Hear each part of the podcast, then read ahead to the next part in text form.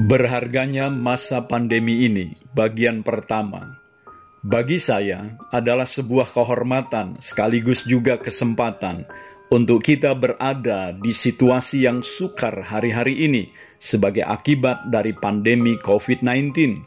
Saya mencoba menarik benang merah dari pengamatan para dokter dan ahli kesehatan, pengamat dan tokoh politik, para pelaku bisnis dan ekonomi, sampai dengan masyarakat umum tentang fenomena pandemi ini. Yang pertama, belum pernah ada pandemi yang menimbulkan dampak yang sedemikian besar bagi semua bidang kehidupan, seperti yang ditimbulkan oleh COVID-19. Yang kedua, belum pernah ada juga jumlah orang yang terinfeksi dan jumlah korban yang meninggal sebanyak yang ditimbulkan olehnya.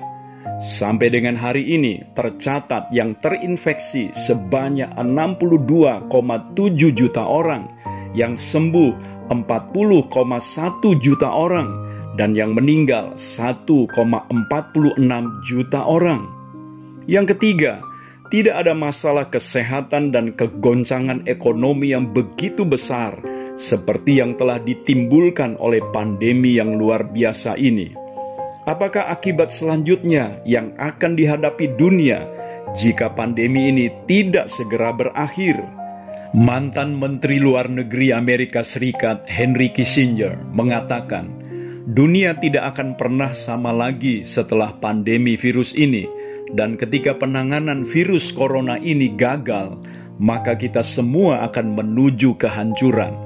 Virus corona telah menyerang dengan skala dan keganasan yang belum pernah terjadi sebelumnya, dan itu akan mengubah tatanan dunia selamanya. Saya mengambil sisi positif dari pernyataan Henry Kissinger tersebut untuk kepentingan pertumbuhan kerohanian kita. Yang saya maksudkan adalah masa pandemi ini perlu kita manfaatkan sedemikian rupa sebagai sarananya Tuhan atau alatnya Tuhan untuk membentuk ulang cara hidup kita agar menjadi tidak sama lagi dengan cara hidup kita sebelum pandemi ini terjadi.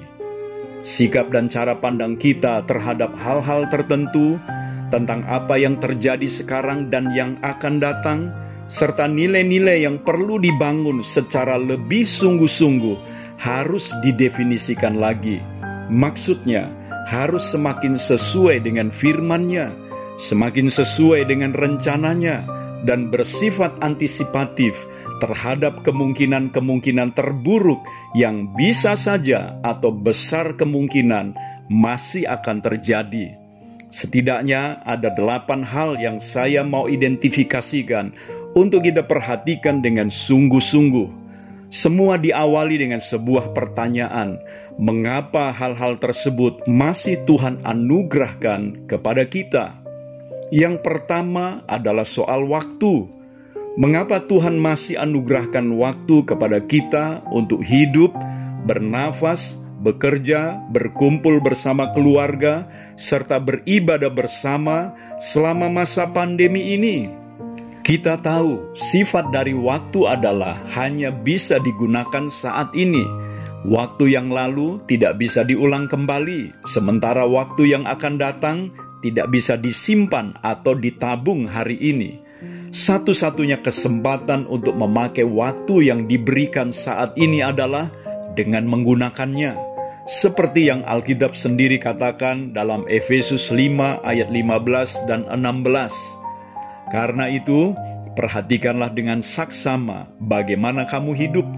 Janganlah seperti orang bebal, tetapi seperti orang arif, dan pergunakanlah waktu yang ada, karena hari-hari ini adalah jahat. Pertama-tama, kita dinasihatkan agar memperhatikan dengan saksama bagaimana caranya kita hidup Inilah sasaran kita agar cara hidup kita mengalami perubahan semasa pandemi ini. Cara kita hidup janganlah seperti orang bebal, melainkan seperti orang bijaksana. Selanjutnya, kita diperintahkan dan pergunakanlah waktu yang ada. Saya ingatkan lagi, waktu yang ada yang masih Tuhan anugerahkan hanya bisa digunakan dan memang harus digunakan.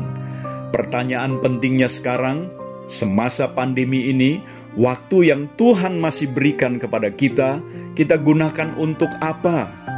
Kita harus dapat menjawabnya sebagai orang yang bijaksana, sebab hal yang paling banyak menyita waktu kita untuk kita mengerjakannya menunjukkan sesungguhnya apa yang paling berharga buat kita.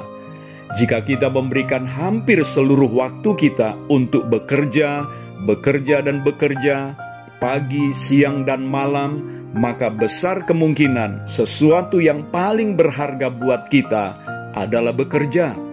Sebagai orang percaya, berapa banyak waktu yang kita habiskan untuk bersekutu dengan Tuhan, mencari kehendaknya dan melakukannya.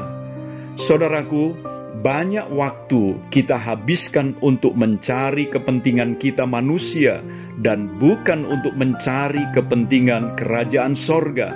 Inilah yang harus berubah supaya kita menjadi manusia Allah yang tidak sama lagi dengan masa sebelum pandemi.